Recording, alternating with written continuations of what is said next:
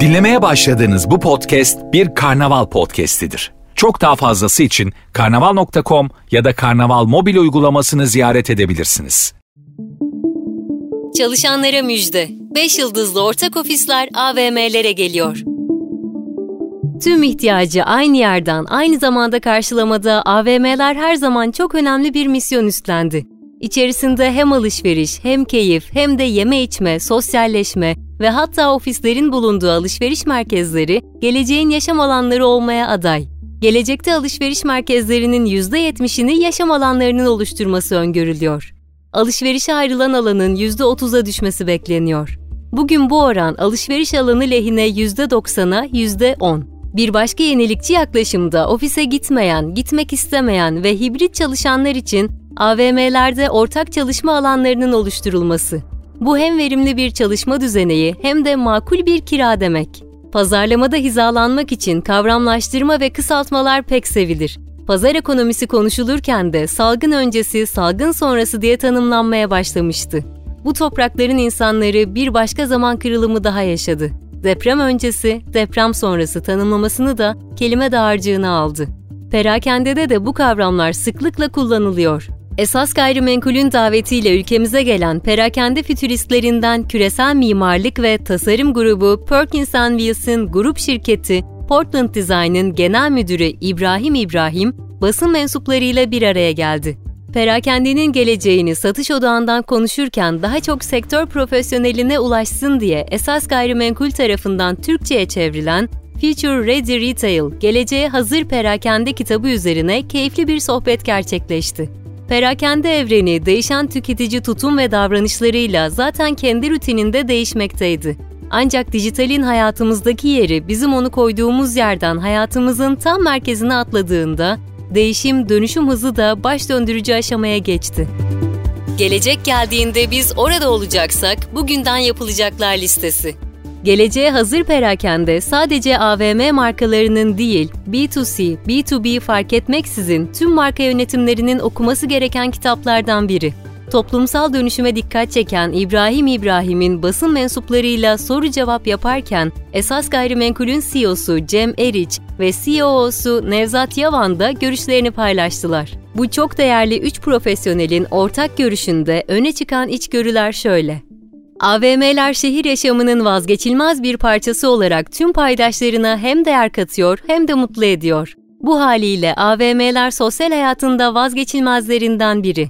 AVM'ler lojistikten depolamaya, eğlenceden üretime kadar çok geniş ve bir o kadar da güçlü bir ekosistemin odağındaki oluşumlar. Ekonomide kelebek etkisi yaratıyor. AVM'ler birbirinin benzeri seri üretim görünümlü dükkan salgınından mustarip. Ayrıca çoğu topluluklarla ve tüketicilerle bağlarını yitirmiş, vasat ve seri üretim dükkanlarının kuşatması altında.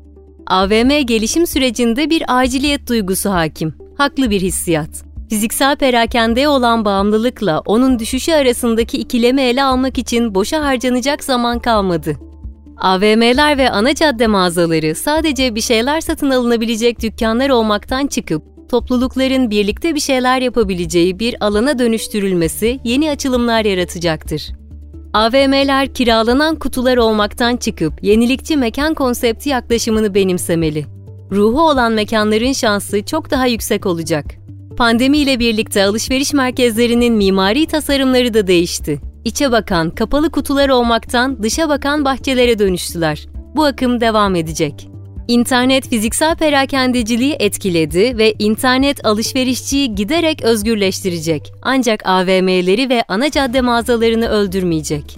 Perakendeyi bir nevi ilgi ekonomisi olarak da görebiliriz. Tüm farklı gündemlerin arasında bir sosyal etki de yaratıyor. Bu kapsamda bakıldığında perakendenin görevi politize olmuş ortamlarda bir denge unsuru oluşturmak. SES artık harflerle ifade edilmekten kişiselleştirilmiş detaylara dönüştü. Sahip olduğumuz varlıkla değil, satın alma sürecindeki davranışlarımızla segmente ediliyoruz. Peki tüm bu talepler neden yaşanıyor? Elbette tüketicinin talepleri nedeniyle. Bu doğrultuda trendlere yön veren 6 müşteri profili nasıl sıralanıyor inceleyelim. 1. Y ve Z jenerasyonu bütüncül bir davranış göstermiyor. Kendi içinde de farklı tutum ve davranışlara sahip. Y'ler Z gibi, Z'ler Y gibi davranabiliyor. 2. Modanın demokratikleştirilmesi olarak ifade edilebilecek bir dönemdeyiz. Pek çok lüks marka, orta segment ürünlerle AVM'lerde yan yana mağazalarda olabiliyor. Bu da yeni bir anlayış. 3. Radikal bir değişiklik olarak aynı AVM içerisinde sadece aynı ürün ve hizmetleri satan markaları yan yana görmenin ötesinde, farklı ürünleri hiç de ilgili olmadığını düşündüğümüz bir başka ürün gamının yakınında görmek mümkün olacak. 4.